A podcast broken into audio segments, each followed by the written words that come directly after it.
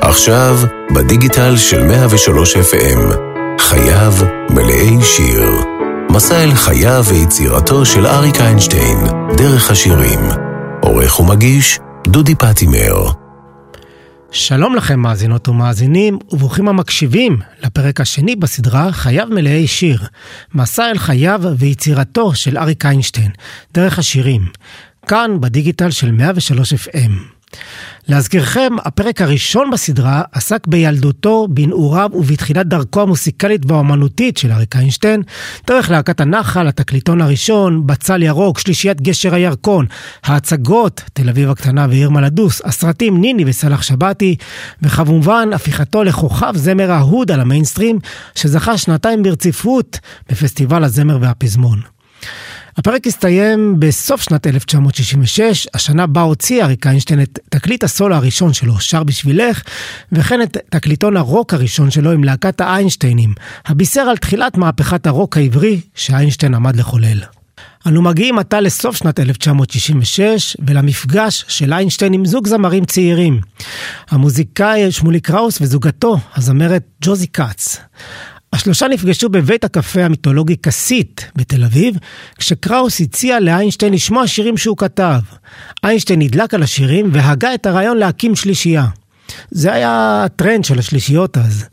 החזרות נערכו בביתם של קראוס וכץ, ומהר מאוד איינשטיין, שהיה מקושר לכל מיני פזמונאים ומשוררים, הביא את הטקסטים וגם כתב בעצמו מספר שירים.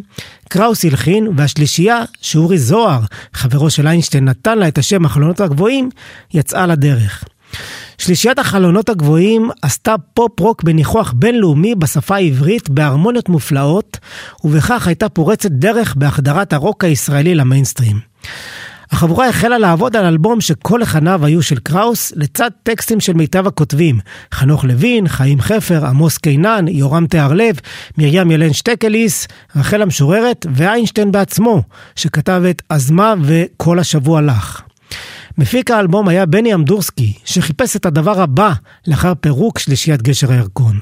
הוא עבד אז בעד ארצי. התקליט של החלונות הגבוהים זכה להצלחה מסחררת וכל שיריו הפכו ללהיטי ענק ולקלאסיקות. יחזקאל, אורוסקופ, אינך יכולה, האהבה הראשונה, זמר נוגה, התשמע קולי, הבובה זהבה, כל השבוע לך ועוד. מרגע שיצאו שירי החלונות הגבוהים לרדיו, הם הפכו ללהיטי ענק, וקראוס הפך למלחין מבוקש.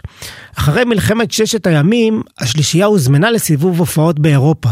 איינשטיין, קראוס וכץ הקליטו גרסאות צרפתיות לשיריהם, וחתמו על חוזה הקלטות בלונדון. שלישייה החלה לעבוד על שירים חדשים באנגלית, פרי לחניו של קראוס, לאלבום שני, בעיבודיו של המפיק קיט מנספילד, או אז אריק איינשטיין התגעגע הביתה ורצה לחזור. הוא לא התלהב מהקלטת שירים באנגלית ולא רצה להמשיך להופיע בלונדון. לאחר ויכוחים קולניים בינו לבין קראוס, הוא חזר לארץ, וקראוס וכץ נסעו לספרד, ואחרי כן גם הם שבו לישראל.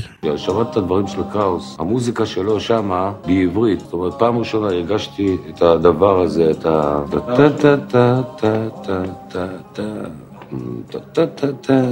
זה היה, אתה מבין? בקצב הזה של...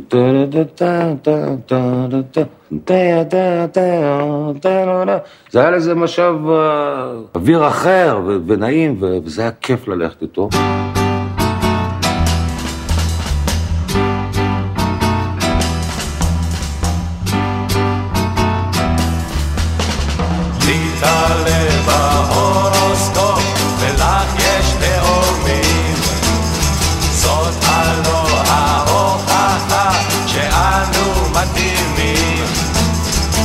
מזל של שור ולך של בתולה, אז בואי נא אליי, אליי, כלה.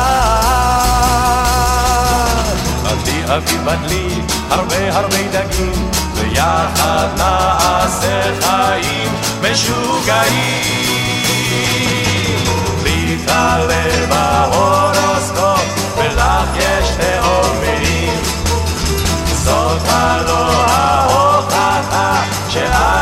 מדהימים. אריה גדול טרף בלילה את הגדי, וכך אני נשארתי לבדי.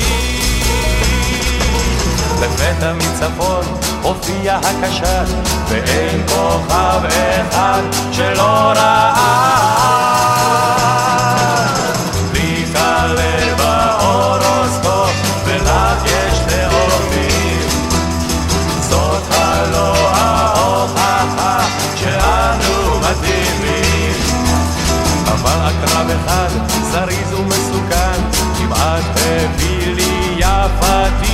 יפתי סרטן. זה לא המזלות, זה לא הכוכבים, הוא סתם עלה לי על העצבים. להתעלל בהורוסקופ, ולך יש תאומים. זאת הלא ההוכחה שאנו מתאימים. אז מה חשוב הדלי ומה התאומים? נטייל על פני שבעת ימים. נראה את האריה, מאזניים והשור, ובשמיים את כולם נספור.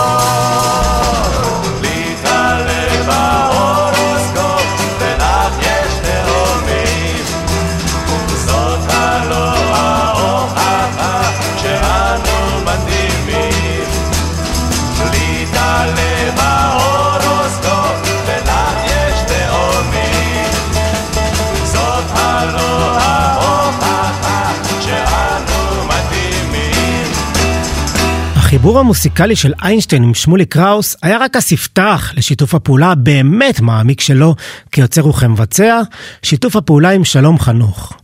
יחד השניים חוללו את המהפכה הגדולה של הרוק העברי ושינו את פני הפסקול הישראלי.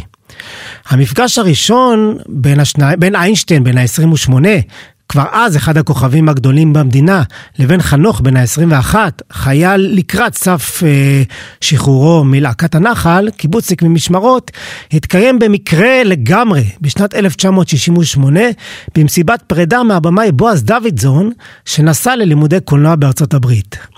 המסיבה התקיימה במועדון החלונות הגבוהים ברחוב הירקון בתל אביב, כמובן קרוי על שם השלישייה הפופולרית. חנוך, ביישן ומופנם, עלה לבמה על מדי צה"ל וביצע שלושה שירים שכתב, ז'ק אבוטבול, ריסים ולילה. כשסיים, ירד מהבמה, ובדרכו לצאת מהמועדון, עצר אותו איינשטיין בכבודו ובעצמו, לחץ את ידו בחוזקה, והחמיא לו על השירים העמוקים.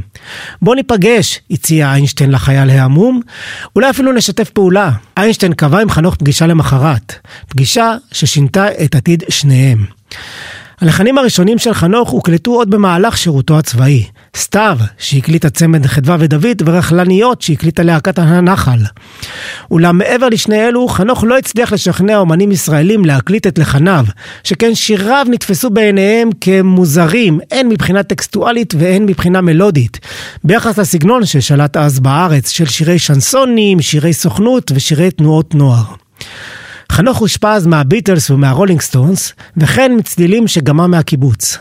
מהשפעות אלו רקח תמהיל ייחודי ושונה מהנוף, תמהיל שהיה בדיוק מה שאיינשטיין חיפש. בשנת 1968, זמן קצר לאחר שחרורו של חנוך מהצבא, יצא לאוויר העולם התקליטון הראשון שבו שר איינשטיין משירי חנוך. הגר, ריסים, שבת המלכה ופתאום בלעדיו היו השירים הראשונים. השירים הציגו איינשטיין צעיר, תוסס ומרענן, פחות ממלכתי, אך עדיין די מתון למה שהוא וחנוך התאוו ליצור. חודשים ספורים לאחר מכן, שיתוף הפעולה בין השניים עשה צעד אחד קדימה עם צאתו לאור של אלבום הסולו השני של איינשטיין, והאלבום המשותף הראשון של השניים, מזל גדי, שנקרא כך על שם מזלו האסטרולוגי של איינשטיין, שנולד בחודש ינואר.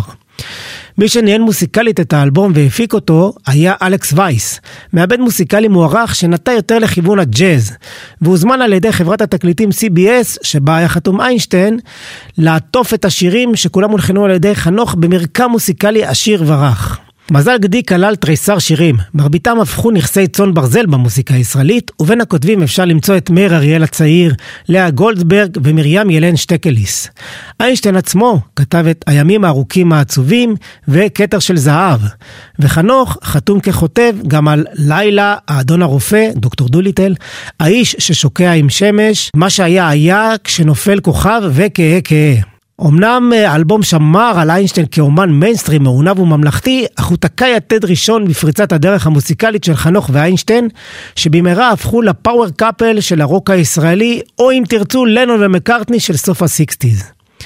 כדי לקדם את האלבום, איינשטיין ומנהלו צבי שיסל שכרו את שירותיה של להקת הברנשים של פיאמנטה, ששילבה בין ג'אז לפופ מתקדם, ויצאו לסיבוב הופעות יחד עם אה, שיריו החדשים. בתחילת 1969, כשאריק והברנשים סיימו את עבודתם המשותפת, חנוך וחברו מהקיבוץ ומלהקת הנחל, חנן יובל, שימשו כלהקת הליווי של איינשטיין בתוכנית מזל גדי. זמן קצר אחרי כן, הקימו השניים עם בני אמדוסקי את השלושרים. זה היה ב-68, קיץ היה. השמש הכתה במלוא עוזה. אני עבדתי אז בחלונות הגבוהים עם שמולי קראוס וג'וזי כץ. יום אחד הכירו לי את שלום חנוך דרך איזה חברים משותפים. ישבנו באיזה דירה, אני זוכר את זה כמו עכשיו. הוא לקח את הגיטרה והתחיל לנגן ולשיר. אני התעלפתי. שפכו עליי מים, התעוררתי ואמרתי, מי אתה בחור? איפה היית עד היום? שום תשובה לא באה. פרח שכמוך. פשוט. שלום, איך הכרת את אריק? באותה צורה, בדיוק.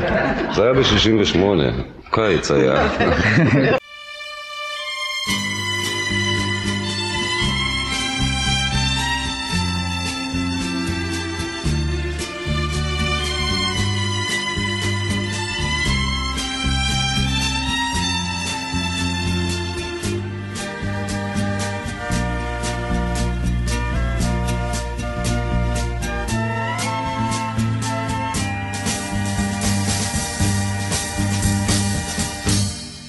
מה שהיה היה, מה שהיה היה, קיץ יפה אחד, לבד איתך לבד בקיץ. מה שהיה היה,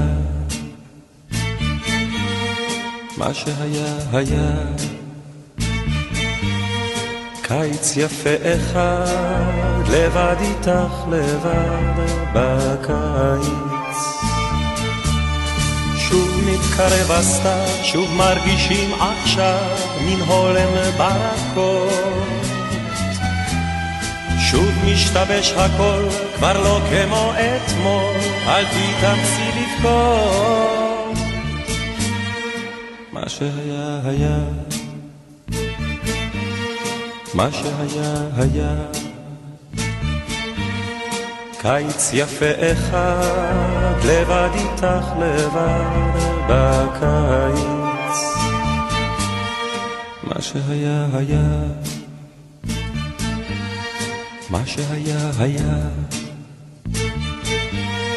קיץ יפה אחד, לבד איתך לבד בקיץ.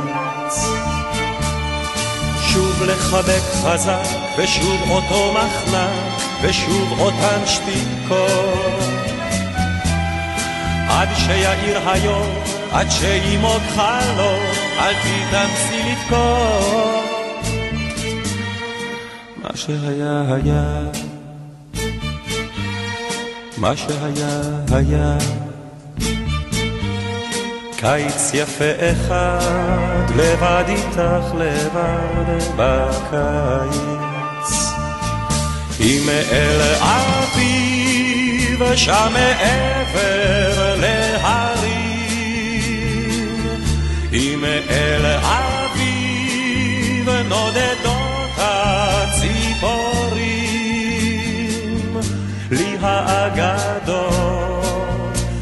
מנשמות שם עם הרוח החיה. מה שהיה היה, מה שהיה היה, מה שהיה היה,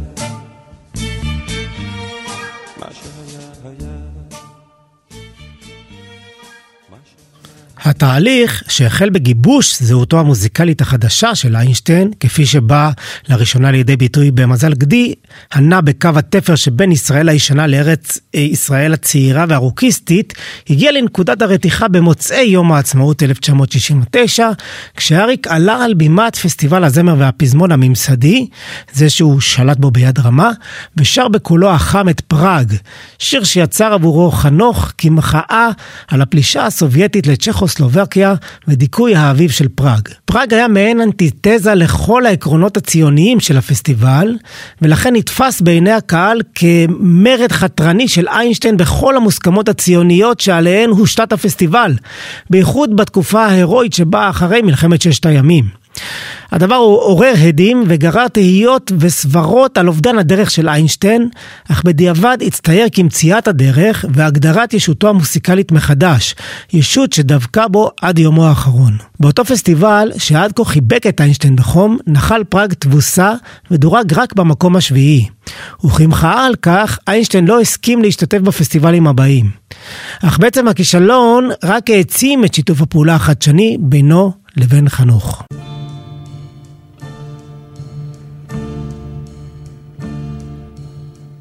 העיר שבוית החלום. צל כבד בזר הגיע, וירח באדום. את מלכותו טבל בפיה, מי שלא עצם את עיניו. את לילו המר כאבו. דומיית כניעה בלי קרב איש את נשקו נצר עד מוות. איך על פראג שחר לא בקע בשלישית כלה כוחו. איך נדם כל כיכר הומה בחג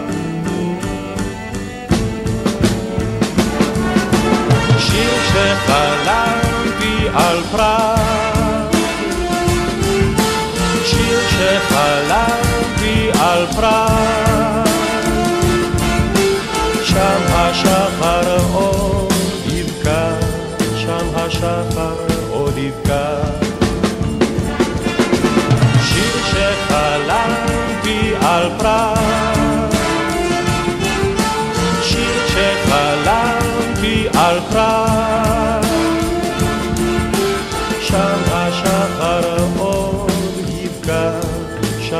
השחר עוד יבקע.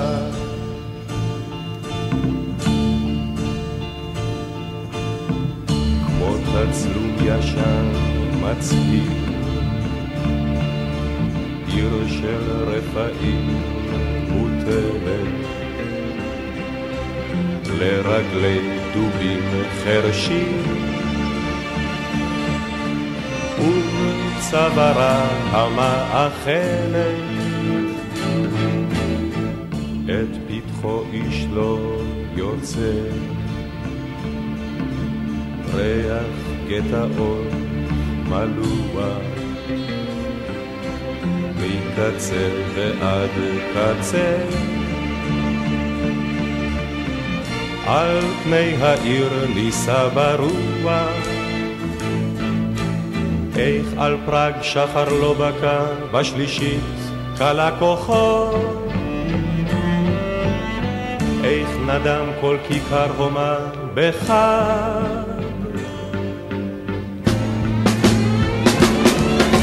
שיר שחלמתי על פראג, שיר שחלמתי על פראג, שם השחר עוד יבקע, שם השחר עוד יבקע. שיר שחלמתי על פראג, שיר שחלמתי על פראג, שם השחר עוד יבקע, שם השחר עוד יבקע.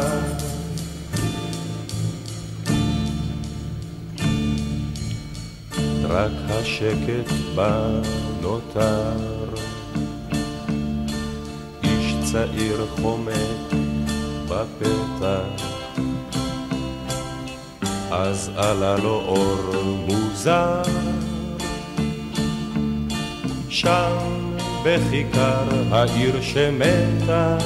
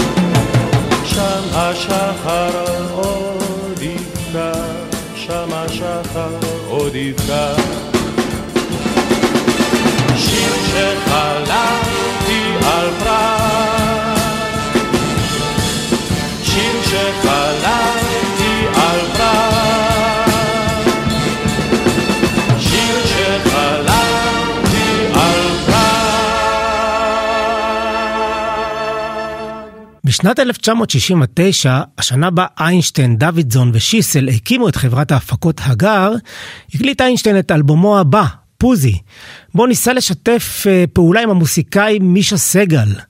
השיר הראשון שאיינשטיין ביקש מסגל להלחין היה שיר ביידיש, במקור של איציק מנגר, עם מילים עבריות של בנימין טנא. השיר נקרא אברהם ושרה, וסגל הגיש לו אותו עם פתיחה דומה לזו של אובלדי אובלדה של הביטלס.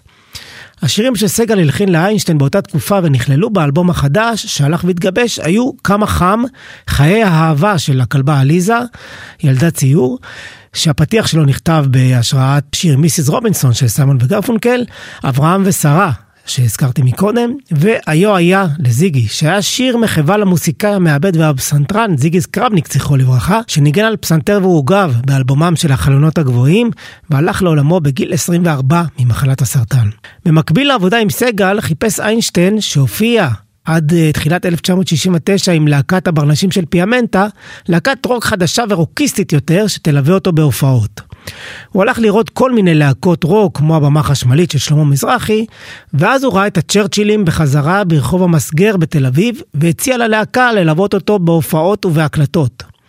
חברי הצ'רצ'ילים היו אז הגיטריסט חיים רומנו, הגיטריסט והזמר רוב אקסלי, הבסיסט מיקי גבריאלוב והמתופף עמית רייבץ'.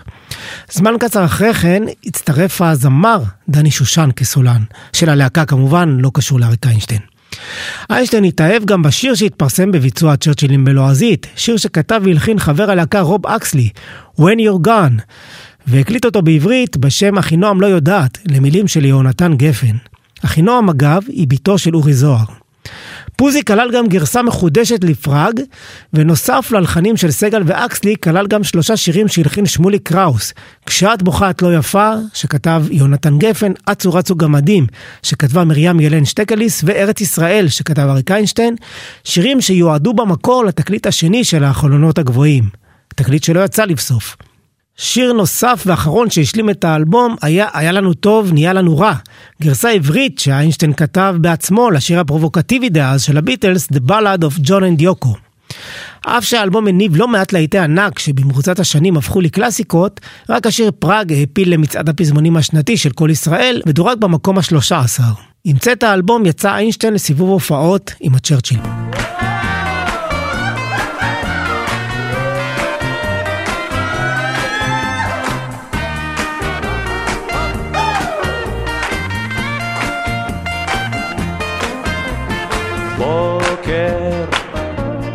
לכי יבשה. שמש כמו ביצה קשה רוח למה את צריכה? למה? למה את בוכה? כשאת בוכה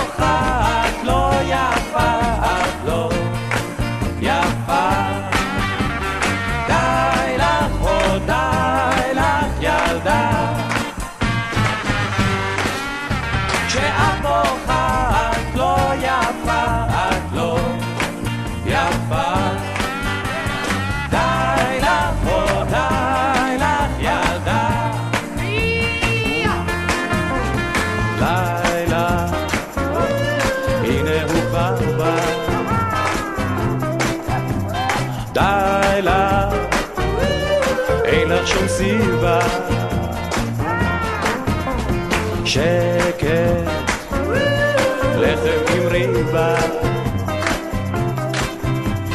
למה, למה את בוכה? כשאת בוכה את לא יפה, את לא יפה. די לך, או די לך, ילדה. כשאת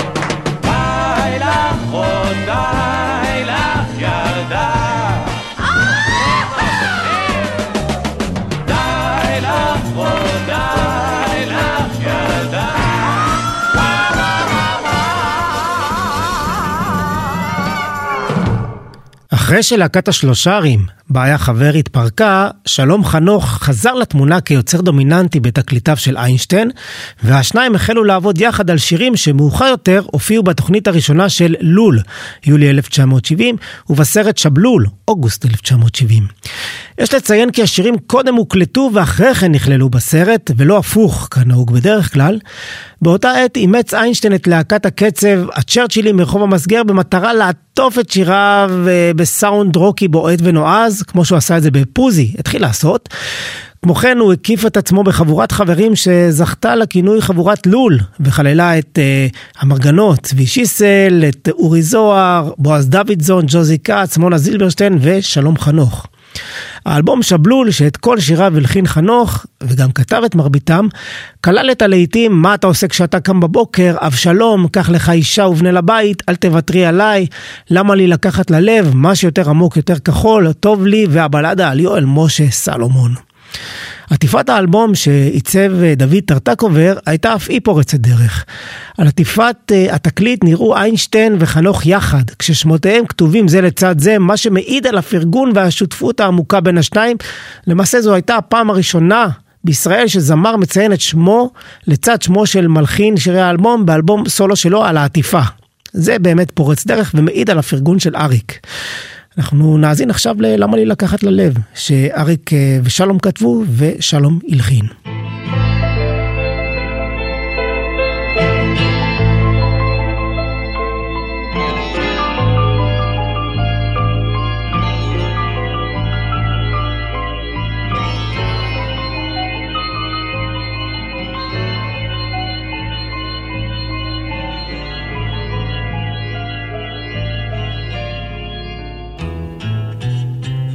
למה לי לקחת ללב? יש לי דברים חדשים בראש, יש לי דמיון שעוזר לפעמים לשכוח.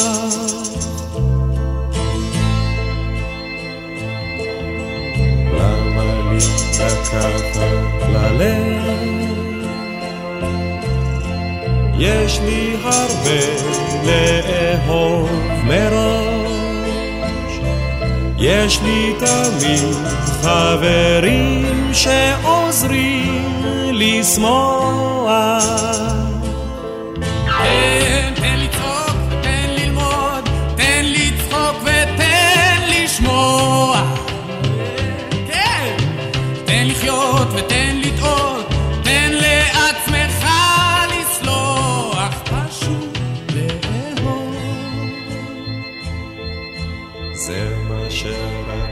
לכתוב. לך עם זה לאט ואז תוכל פשוט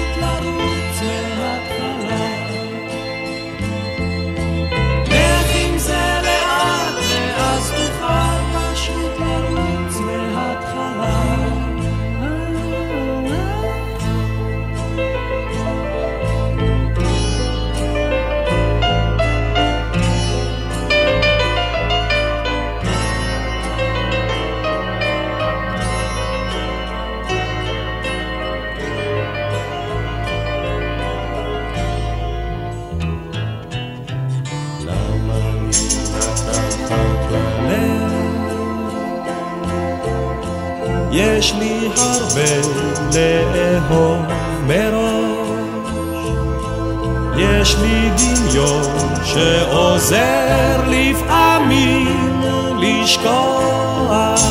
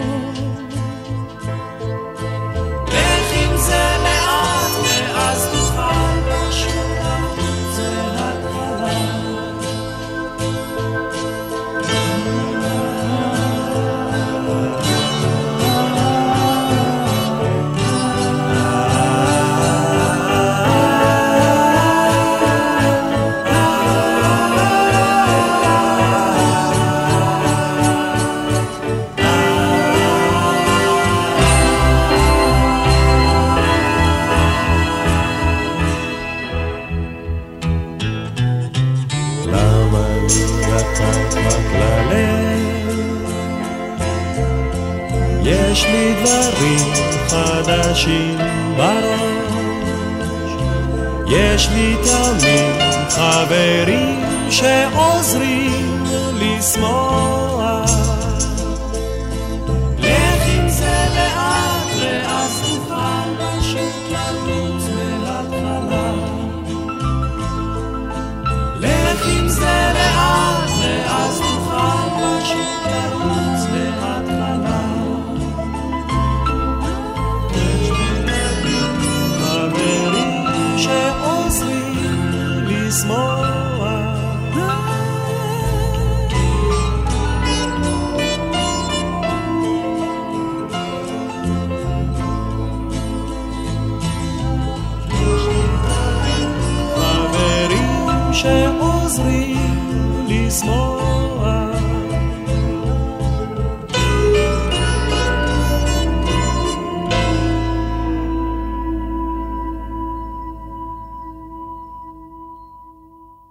כארבעה חודשים אחרי uh, צאת שבלול, יצא אלבומם המשותף השלישי של איינשטיין וחנוך, פלסטלינה, הנחשב לאבן דרך נוספת ברוק הישראלי.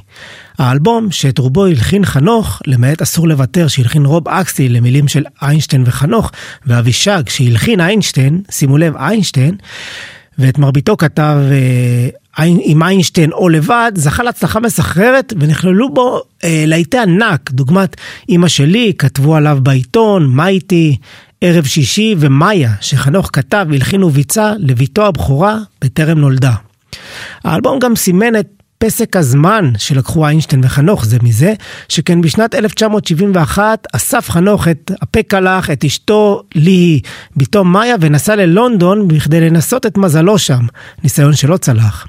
אך השאיר לאיינשטיין מספר שירים שנכללו באלבומיו הבאים, בהם לא השתתף, דוגמת כמה טוב שבאת הביתה, ילדים של החיים ואגדת דשא. את האנשים שהם יוצרים או מבצעים הם אף פעם לא יכולים לדעת מה, אני הולך להגיד לזה, מה הרומא, מה המשקע שהם יוצרים, במה הם אה, מקסימים או דוחים. ולקחנו הופעות, חביבי, איזה מקומות ביפו, לא השעון ימינה, השעון שמאלה. יום אחד הוא אומר לי, יש הופעה, נוסעים לירושלים, אני אומר, מי מופיעים? שיסו, אומר, צעירים דתיים. לא, צעירים דתיים על הכיפאק, אתה רואה, כיפות סרוגות, סולידה באיזה אולם, עולים מהמדרגות, מגיעים, פותחים את הדלת. אלף חולרות הכי גרועות של ירושלים.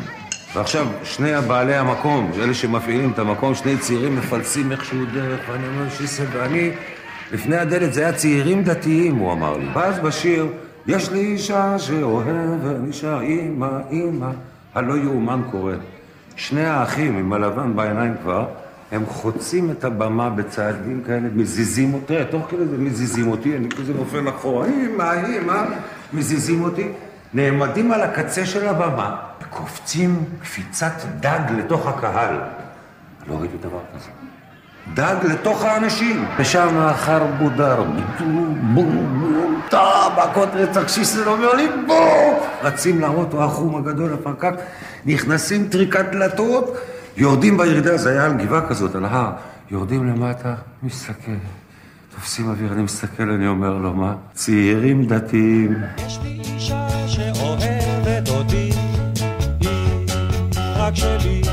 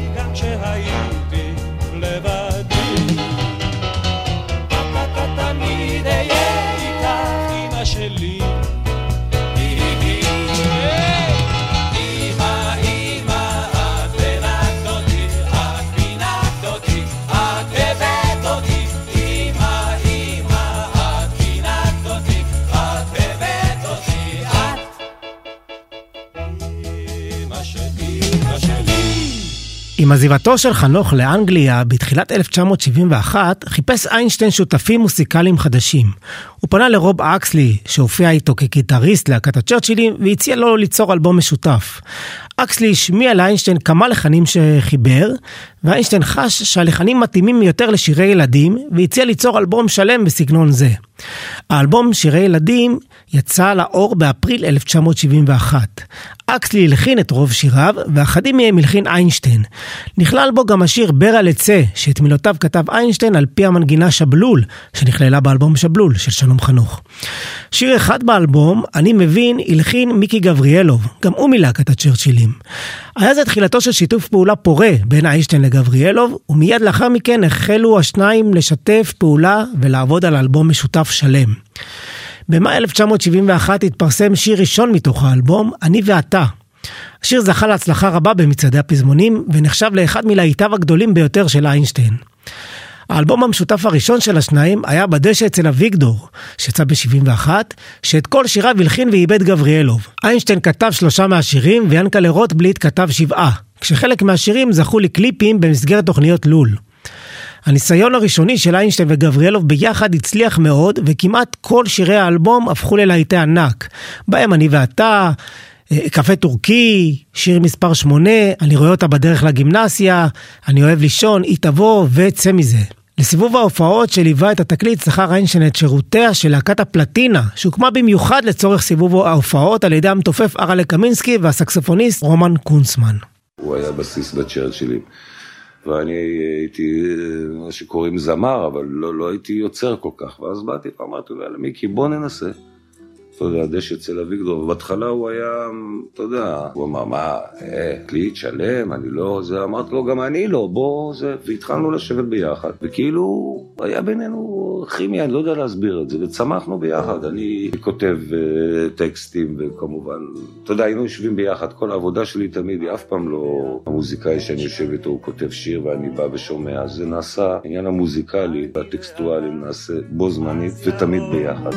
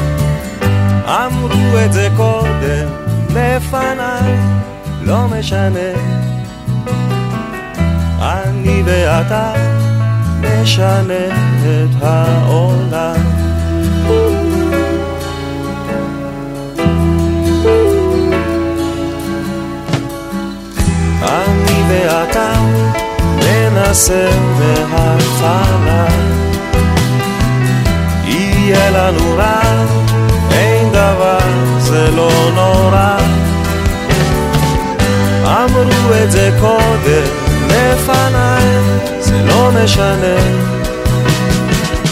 אני ואתה נשנה את העולם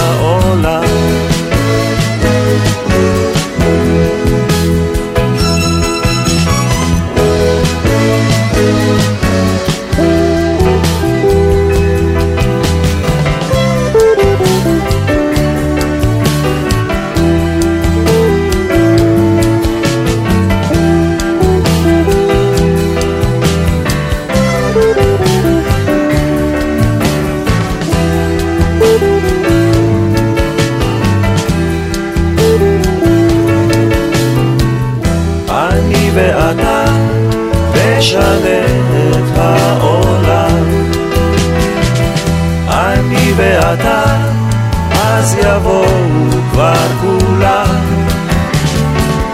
אמרו את זה קודם לפניי, לא משנה. אני ואתה נשנה את העולם.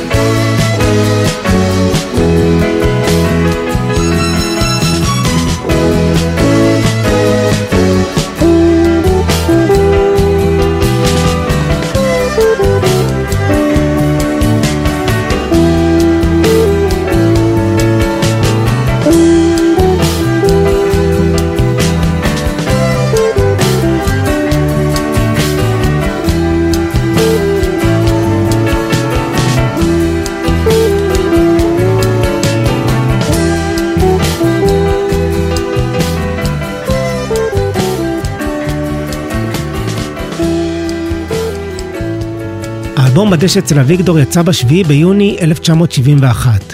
בדומה לחנוך, גם גבריאלוב עזב אחרי כן לאנגליה, יחד עם להקת הצ'רצ'ילים שהקליטה, הופיעה ופעלה שם ובאירופה, אך הספיק לתרום לאיינשטיין לחן אה, לשיר נוסף לאלבומו הבא יסמין מ-72, עם האדמה. עזיבתו של גבריאלוב הכריחה את איינשטיין לחפש את הטאלנט הבא, והוא מצא אותו במקרה לגמרי בדירה של שכנתו. אני מתכוון לשם טוב לוי. לוי, בן ה-22, היה חייל משוחרר מלהקת פיקוד מרכז, והגיע לנגן בחליל עם ידידתו הפסנתרנית. השניים הפליאו לבצע יצירות של באך ומוצרט. מה שלוי לא ידע, זה שהשכן של אותה פסנתרנית היה לא אחר מאשר אריק איינשטיין. איינשטיין התלהב ממה שהוא שמע, הציע ללוי לעבוד עמו. לוי השמיע לו מספר אה, מנגינות, ורק כעבור חצי שנה קיבל את הטלפון המיוחל מאיינשטיין, שכתב טקסט לאחת המנגינות, שיר של אחרי המלחמה. שיתוף הפעולה הראשון ביניהם התחיל באלבום יסמין, כמו שאמרתי, מ-72, שבו נכללו שני שירים שלוי הלחין ואיבד. אותו שיר של אחרי מלחמה, ודון קישוט, למילים של יהונתן גפן. בבית שגרתי בקומת קרקע הייתה גרה חנה, בחורה שהייתה מנגנת אה, מוזיקה קלאסית על פסנתר. כשהייתי חוזר הביתה, הייתי חולף על פני חלונה, ומשם בקעו רביעייה, קלאסי. ואני מכניס את הראש, שלום וזה, ואז ישב שמה, שלימים הבנתי שזה שם טוב לוי, הוא ניגן חליל, שלום, שלום וזה. ואז היא אמרה לי, תשמע, הוא גמר להקת פיקוד מרכז, והוא כותב שירים, והוא היה רוצה אולי שתשמע, ביישן, הביישן. אמרתי, בסדר, על הכיפאק, נקבע פגישה וזהו, קבענו פגישה. והוא השמיע לי את ה... מאמא מי מאמו, מאמא זה שיר אחרי המלחמה, הוא ישר במאמא מי מאמו.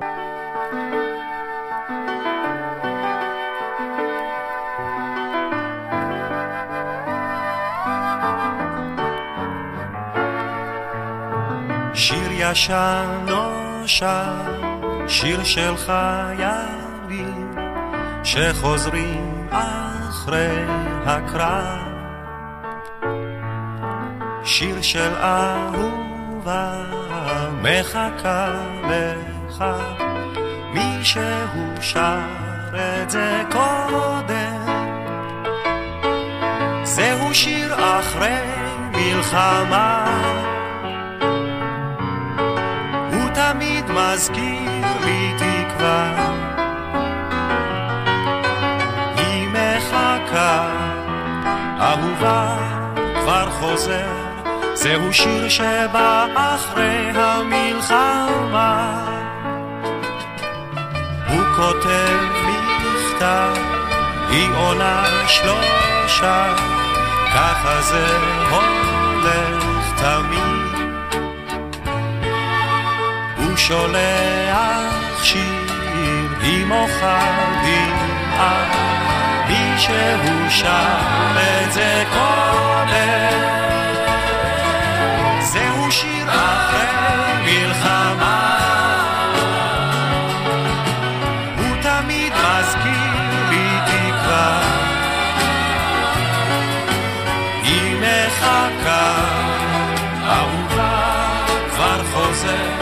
זהו שיר שבא אחרי המלחמה.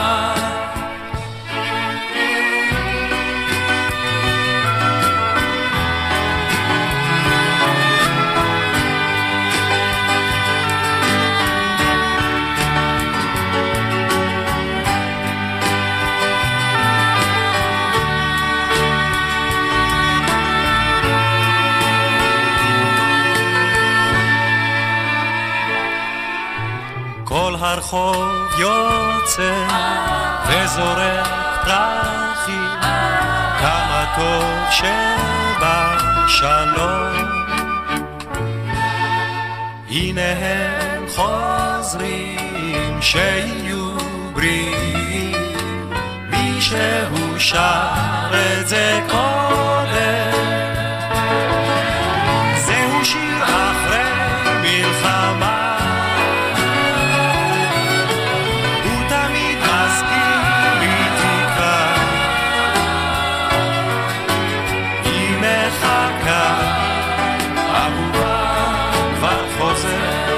זהו שיר שבא אחרי המלחמה.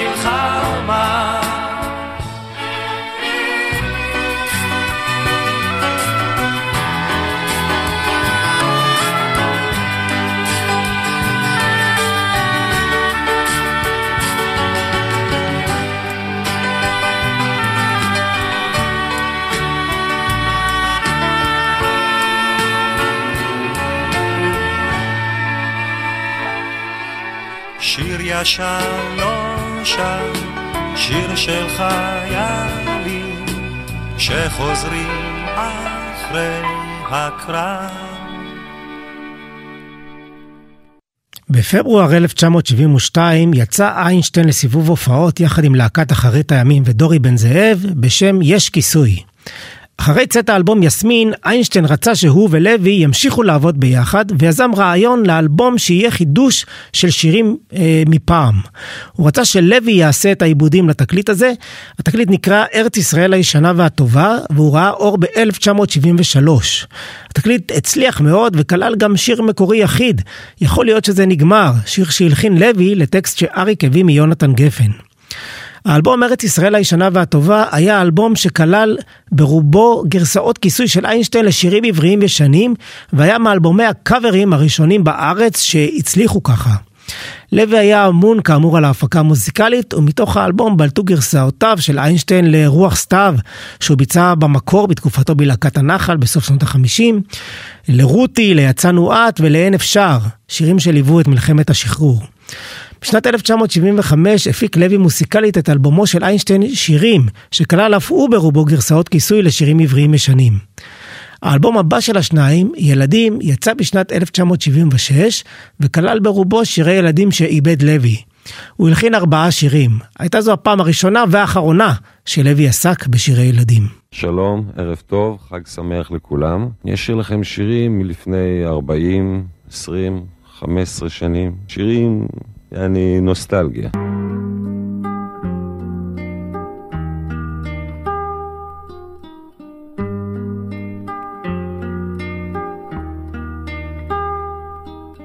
לי כל גן עושה מזכרת,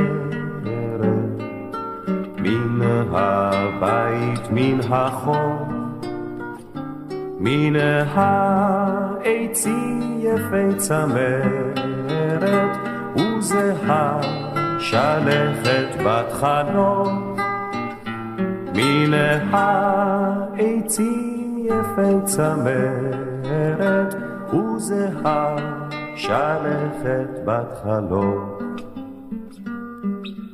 אם נשאי ספינה ושוטי, מה רבים הכיסופים, לי נערה יש ושמרו אותי, המצפה ואלה החופים. לי נערה יש ושמרו אותי, המצפה באלה החופים. עיניה כשמיים, מבטה כלהבה, לו אך נשקתי השפתיים, אז ידעתי מה זאת אהבה. לו אך נשקתי השפתיים, אז ידעתי מה זאת אהבה.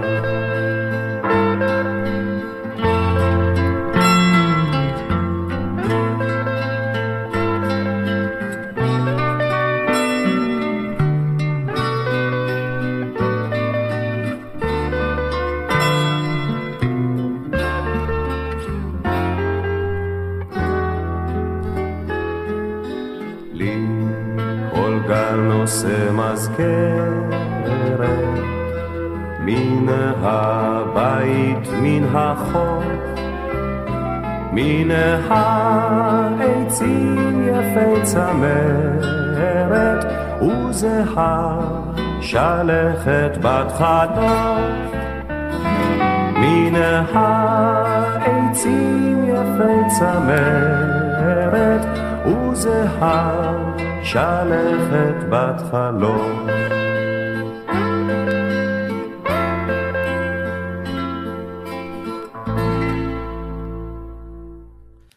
בשנת 1973 שב מיקי גבריאלוב לישראל והקים עם הגיטריסטים שמוליק בודגו ורוני דמול וכמובן המתופף עמית רייבץ' את הצ'רצ'ילים החדשים. מעין גרסה נוספת מחודשת של הצ'רצ'ילים וחזר לשתף פעולה עם איינשטיין. האלבום "סע לאט", אלבומם המשותף השני, יצא בשנת 74, כשהוא מושפע לא מעט מהאווירה ששררה בישראל אחרי מלחמת יום הכיפורים.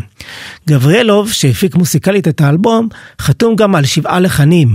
"סע לאט", "הזמן הכפרי", "שיחות דיפלומטיות", הבלדה על זומתי ולבתי, שבו הלחן המשותף הוא גם לחיים קריו. אני אוהב אותך היום, עיניים גדולות וגן של שושנים. בשני בספטמבר 1973 החלו איינשטיין ואורי זוהר בעבודה על סרט חדש בשם עיניים גדולות, בו גילם איינשטיין כדורסלן.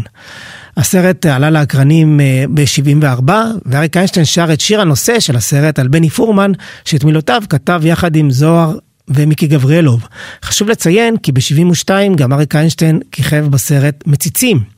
שבו אם בשנות ה-60 הוא הוצג כצבר האולטימטיבי, קיבוצניק, ובאמת אה, שיא הצבריות, אז בשנות ה-70 אה, הוא גילם בסרטים יותר את ה... סטלן, אם נקרא לזה ככה, הסטלבטן התל אביבי, זה שהוא יותר אה, פרזיט, יותר בטלן, לעומת הצבר שמקים את הארץ וכולי, זה מעיד גם קצת על השינוי המוזיקלי שלו, אה, כי זה בא לידי ביטוי גם בתפקידים שהוא גילם. אז אה, היה חשוב לי לעדכן את זה. תמיד יוצא שאיכשהו אני, אני מתחיל עם איזשהו רעיון מסוים, ובדרך קורים דברים. אז זה מתחיל בכיוון באמת כזה של שירי אהבה ושירים של כיפים, ואז משתלט ה... איך להגדיר את זה, אני יודע, משתלט אה, המציאות שהיא עצובה וכואבת, ופשוט אתה לא, לא, מסוגל, לא מסוגל לברוח מזה. ואתה לא יכול, אתה לא יכול, סטלבט, אתה לא יכול רק לצחוק וליהנות, אני לפחות. אנחנו לצערי חיים בארץ עצובה, בואו נקרא לדברים בשמם.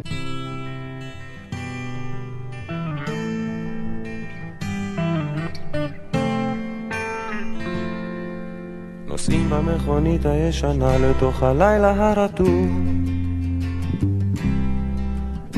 הגשם שוב נהיה כבד ולא רואים ממטר. סע לאט. צבי אומר שגשמים כאלה מזיקים לחקלאות. ואני חושב כמה חם בבית ואיזה מסכנים החיילים ששוכבים עכשיו בבוץ. סע לאט, סע לאט. ברדיו החלפון של הגשש פתאום התחילו חדשות. הלילה ירד ברד כבד, אצלי הלך אבישר. צבי אומר שקר לו בראש לסגור איזה חלום. ואני חושב, הפועל שוב הפסידה. ואיזה מסכנים האוהדים שאוכלים להם את הלב. סע לאט, סע לאט, תן למחשבות לרוץ לכל הכיוונים. לא יתחילו בלעדינו, סע לאט, סע לאט. נוסעים במכונית הישנה לתוך הלילה הרטוב. מחר אני אקום מוקדם, תראה יהיה בסדר. צבי אומר שקשה לו לנשום ונגמרו לו הטיפות. ואני חושב, אני חושב עלייך. ואין שאת יודעת לפנק, אני אוהב אותך. סע לאט, סע לאט. אתה זוכר שנסענו לאילת,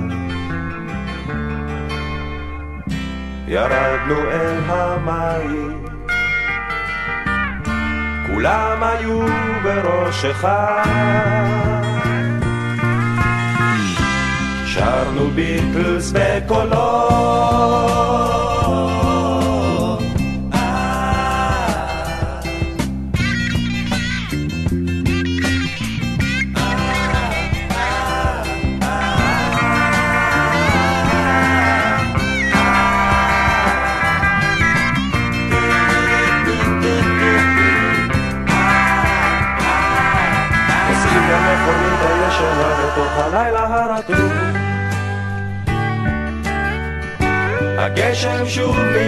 כבד ולא רואים ממטר.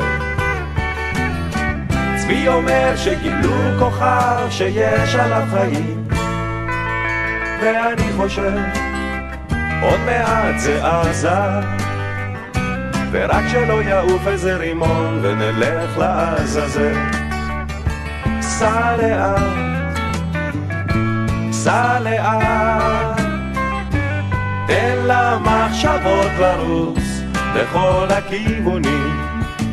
לא יתחילו בלעדינו, סע לאט, סע לאט, תן למחשבות לרוץ לכל הכיוונים. לא יתחילו בלעדינו, סע לאט. נוסעים במכונית הישנה לתוך הלילה הרטוב.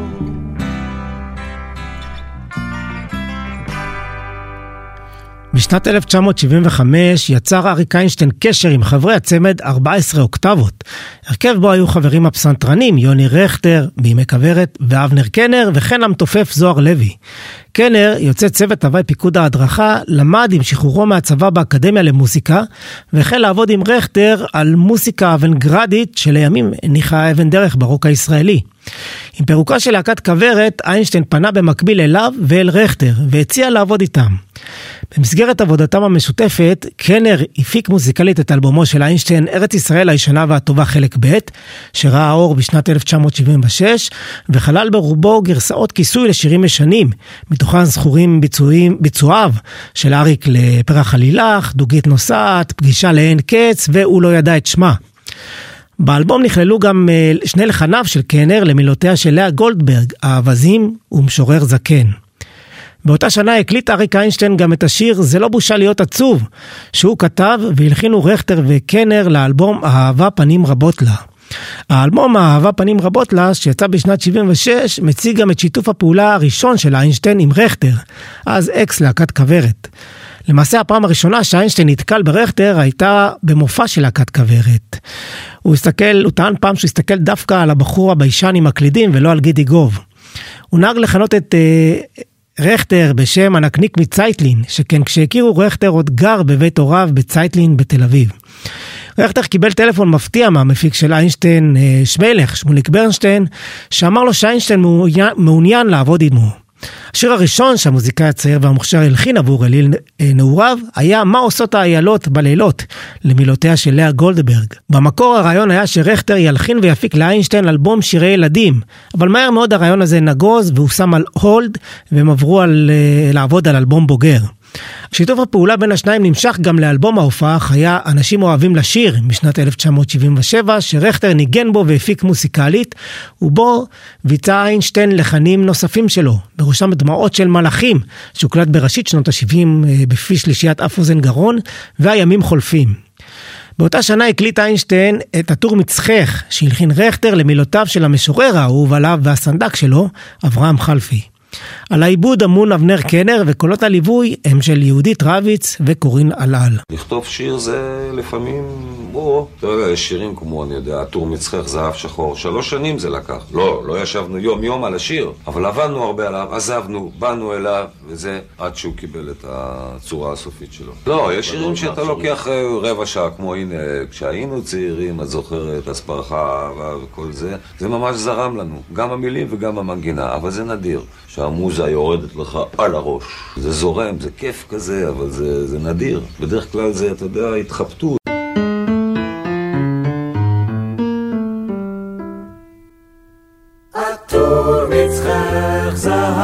שחור אינני זוכר אם כתבו כך בשיר מצחך מתחרז עם עיניים ואור אינני זוכר אם חרזו כך בשיר, אך למי שתהי חייב להישיר.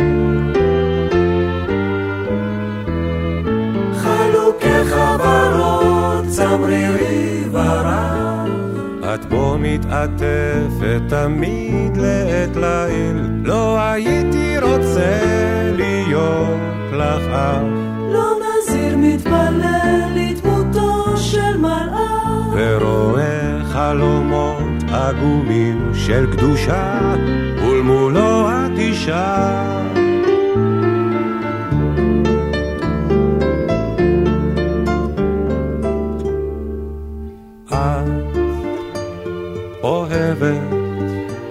להיות עצובה ושותקת, להקשיב לסיפור על קרוב, על רחוק, ואני שלא פעם מביט בך בשקט, אין קול ודברים. שוכח הכל אודות אחרים, שוכנת נפשי בין כותלי ביתך ושבויה בין כתלייך ממני נפרדת. את אני בגופי נפרד ממך. פרוס חלומי כמרבד לרגלייך. צעדי אהובה על ברכה פסיעותייך לבשך לוקח ורוד לעגלייך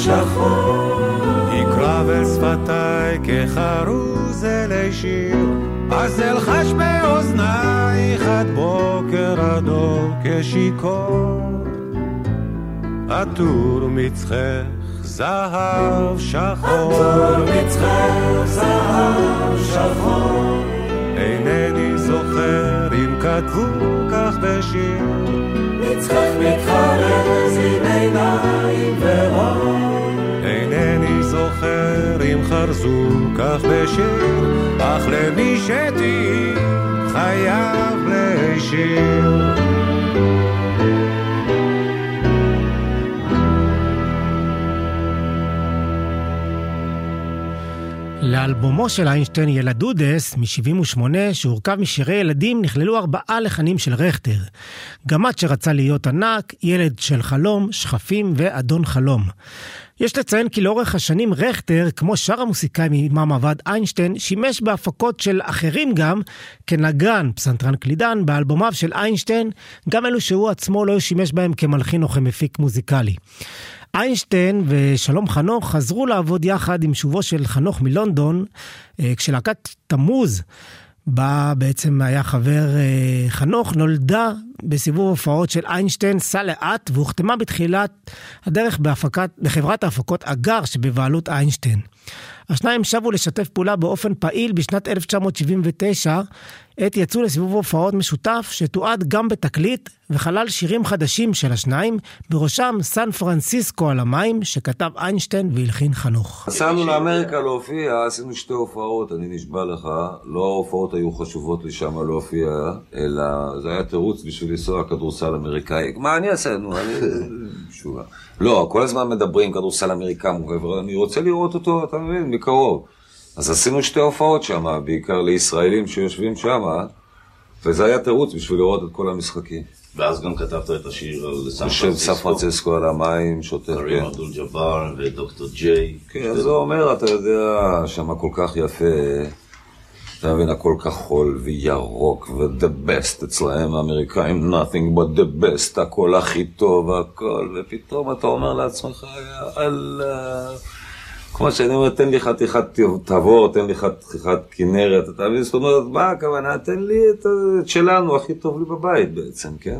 אני יודע, בן אדם שעוזב וחי שמה, יש כאלה שיכולים. אני לא יודע מה באים בטענות. הם יכולים, מתאים להם, טוב להם שמה, שיחיו שמה. מי שמסוגל לחיות שמה, זה, זה חבל באיזשהו מקום, אתה רוצה להגיד לו, חביבי, בוא הנה, למה פה, אתה מבין, יש לך הזדמנות, זה, אנחנו מדינה צעירה, יש לך הזדמנות לבנות כל מיני דברים, לעשות כל מיני דברים מחדש. שם כבר הכל מוכן, הכל לעוס, אתה מבין? אבל אני מבין אותם, שיישארו שם, אנחנו, בואו לא נזוז מפה. אתה לא היית יכול לחיות במקום אחר. מה יש לי? הלך לי לאיבוד שם משהו.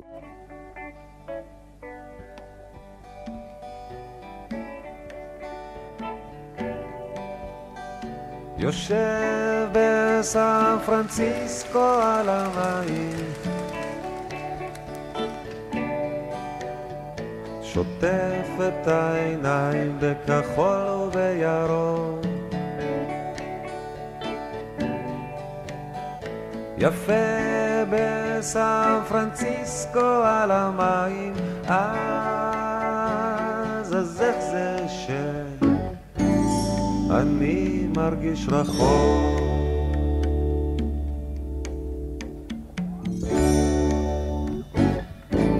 ממול האווזים שתים בין הסירות וגשר הזהב יפה כמו בסרט. חבל שאת לא פה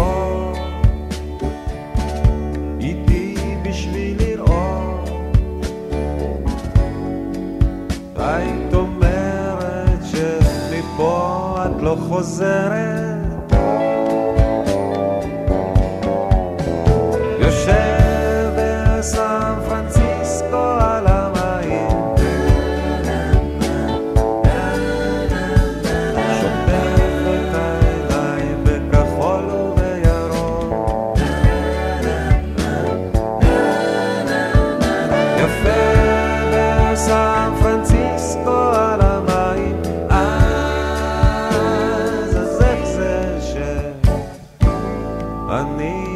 מרגיש רחוק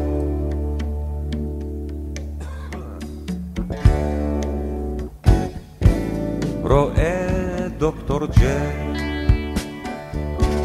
קורא הרשתות וקרים אבדול ג'באר נוגע בשמיים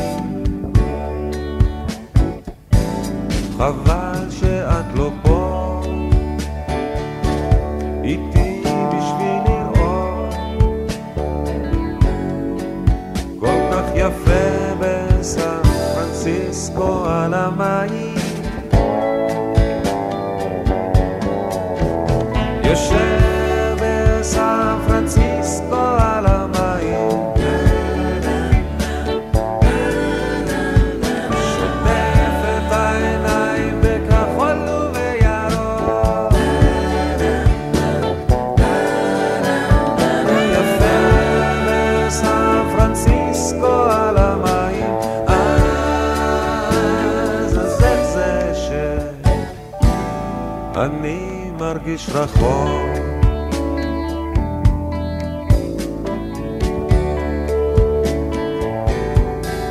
פתאום אני רוצה הביתה חזרה אל הביצה. לשבת בכסית ולצחוק עם מוישה ועם חצקה תן לי חתיכת חתיכת כנרת. אני אוהב להתאהב בארץ ישראל קטנה. חמה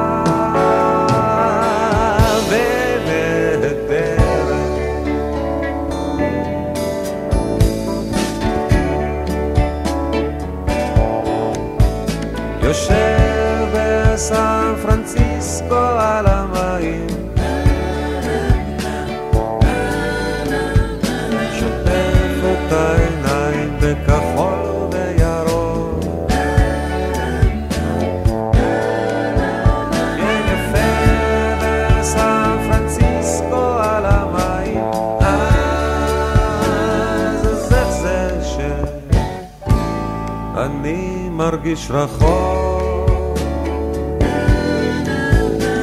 אז איך זה שאני מרגיש רחוק?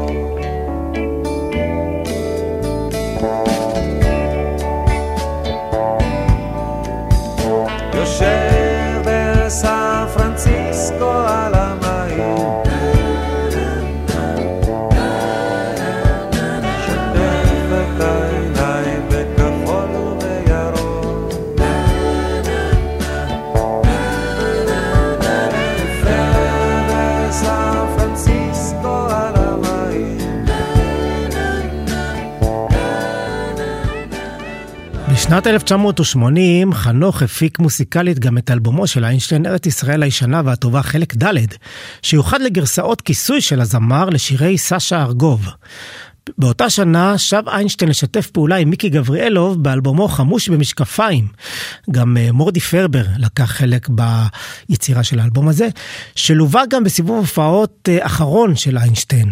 האלבום שהופק אה, מוזיקלית ברובו על ידי גבריאלוב, אה, כלל שישה לחנים שלו. סיום, היא יושבה לחלון, הכניסיני תחת כנפך, תאמר אהיה רב, תוף בודד וחמוש במשקפיים. נדבר על המוזיקה בארץ. מוזיקה בארץ, יופי. מה זה נקרא, יש הרבה אה, חנטריש, אבל זה, זה ככה זה, זה בכל מקום בעולם. אנחנו, יש מוזיקה ישראלית, אני לא יודע להגדיר את זה בדיוק במילים, כי זה, זה לא דברים מוחלטים. יש, אבל כשאתה שומע, אני לא יודע, זה קצת מינורי, קצת מזרחי לפעמים, בגניבה, קצת אומנם, אתה רואה את ההשפעות המערביות והמזרחיות, אבל יש משהו בכל זאת אחיד. אני חושב שבשנים האחרונות בארץ נכתבו מאות שירים יפים. אולי אין מאות יוצרים, אה, זה, אבל מאות שירים בטח, ויש כמה וכמה יוצרים, אני לא אזכיר שמות משום שאני בטח אדלג על מישהו, אתה מבין? וזה זה עושה טוב. אנחנו מדינה צעירה וחדשה, ואנחנו כזה, כאילו, יש הרגשה שאנחנו לוקחים חלק בבניין של אה, אה, מוזיקה חדשה. אני עבדתי עם אה, שלום חנוך ועם אה, שמולי קראוס ועם יוני רכטר והרבה בזמן האחרון עם מיקי גבריאלו. מה הבעיה בעצם? מה הבעיה? אם ניקח, אתה רוצה שנפרט ואחד ואחד אחד... אה, אתה שואל איך זה שהם פתאום התגלו והתגלו? הם לא התגלו, הם אנשים מוכשרים. שהיה לי המזל להכיר אותם, ואחרי שהכרתי אותם, אז uh, עשינו עבודה מסוימת, ולא הפסקנו לעבוד, אתה מבין? המשכנו להיפגש ולהעמיק את הקשרים שלנו יותר, כי התיאוריה שלי היא פשוטה, והיא אומרת שאם אתה בראש עם מישהו, כן?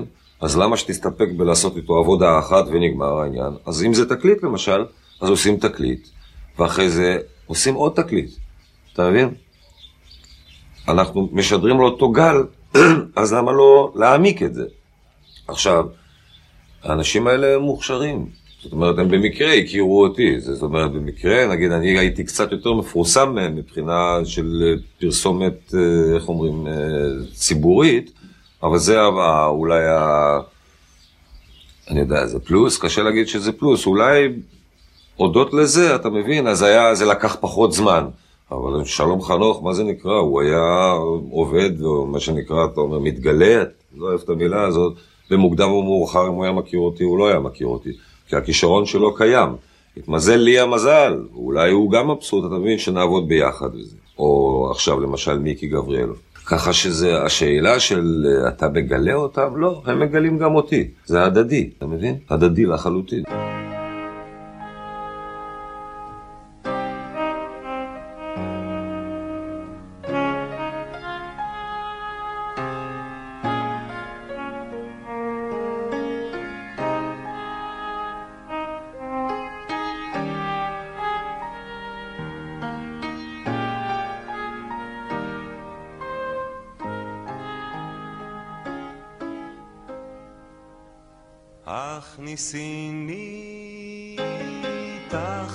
כנפך, והיי לי אם ואחות, ויהי חיקך מקלט ראשי, כן תפילותיי הנידחות.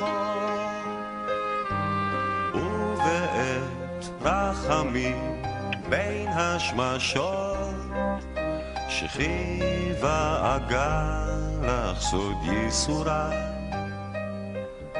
אומרים יש בעולם נעורים היכן נעוריי? הכניסיני תחת נפל והי לי אם ואחות ויהי חיקך מקלט ראשי. כן תפילותיי הנידחות ועוד רז אחד לך אתוודה נפשי נשרפה בלהבה. אומרים אהבה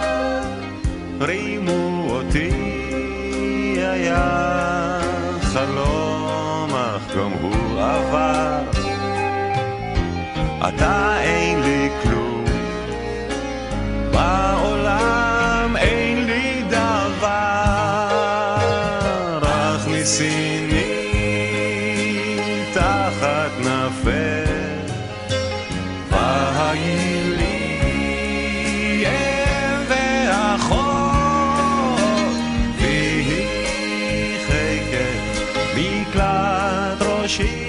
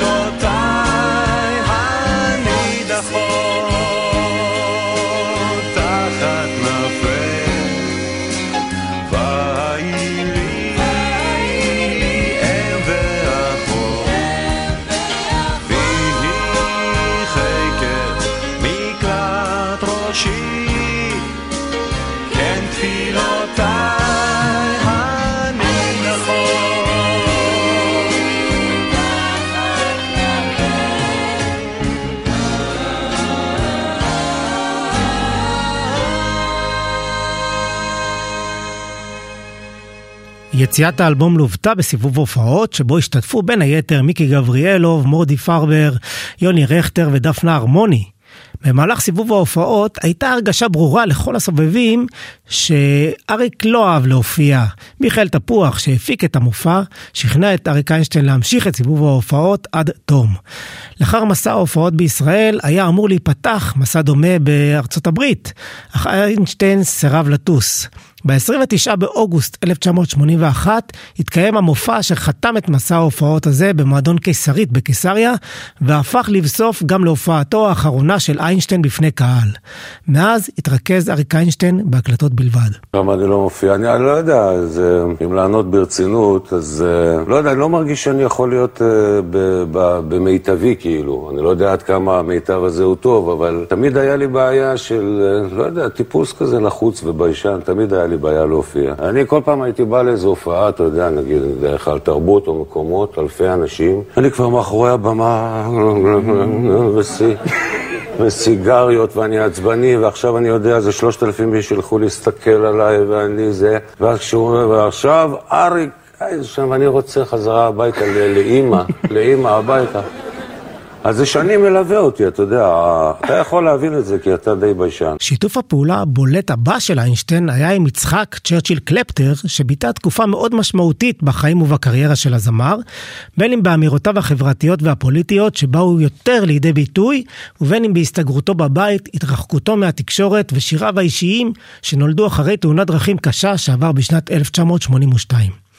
על כך ועל אלבומיו הבאים של איינשטיין שתיארו את השינויים שחלו בו כיוצר וכאדם, ובהם שב לשתף פעולה עם מכריו הוותיקים שם טוב לוי, יוני רכטר ושלום חנוך, וצירף חברים חדשים לדרך כמו ארכדי דוכין, מיכה שטרית וברי סחרוף, נעסוק בפרק הבא של חייו מלאי שיר, כאן בדיגיטל של 103 FM. חשוב לי לציין כי קטעי הקול של אריק איינשטיין לוקטו מהארכיונים של יס, דוקו, הוט, גלי צה"ל, יואב קוטנר, קול ישראל, רשות השידור, ערוץ 8, ומאתר האינטרנט הרשמי של אריק איינשטיין. תודה גם לעמיתי דואק, לאלון כץ וליניב מורוזובסקי מרדיו 103 FM. תודה לכם, מאזינות ומאזינים אהובים על ההאזנה, ואנחנו נחתום את הפרק עם השיר סוס עץ, שהקליט אריק איינשטיין בתחילת 1978, עבור סרטו של יאקי יושע, סוס עץ. את השיר כתב ינקלה רוטבליט והלחין שמוליק קראוס.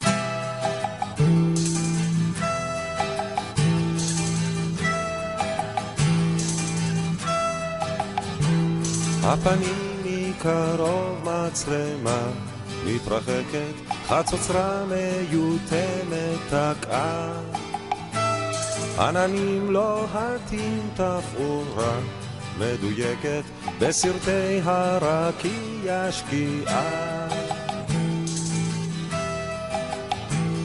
הפנים אחרות הבאה מאוכזבת והאור אז ימוג ויחדל קרוסלה של גן ילדים מסתובבת, כל סוסי העץ רצים במעגל.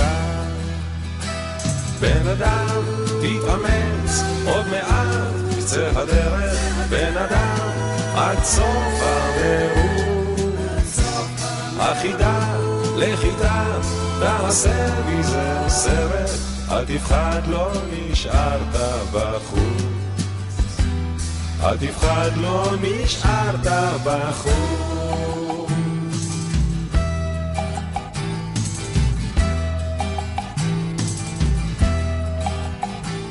מצלמה מן הגב בתנועה מאופקת, מתקרבת אליך כעת. הסתכל בה ישר ככה טוב, ובשקט, כן שיחקת אותה באמת.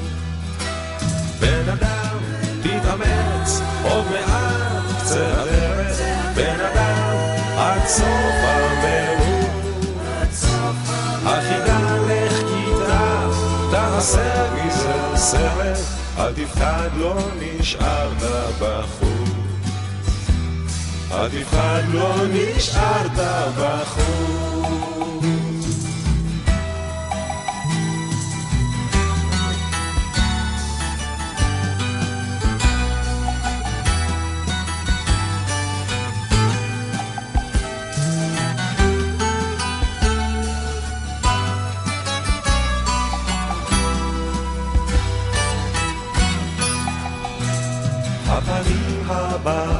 של כאב, ובלי הגה אין תנועה, רק הצל מתערב. התמונה כמו קפואה, הדמעה מתפוגגת, ועכשיו לאט לאט לחייב. בן אדם, תתאמץ עד הקץ, קצה הדרך, היסוס עץ, תהיה עוד אחדה. זאת הדרך שלך, כן ניסית אחרת, ושמעת את צחוק הגורל. כן שמעת את צחוק הגורל. בן אדם, תתאמץ, עוד מעט קצה הדרך, בן אדם, עד סוף המרוץ.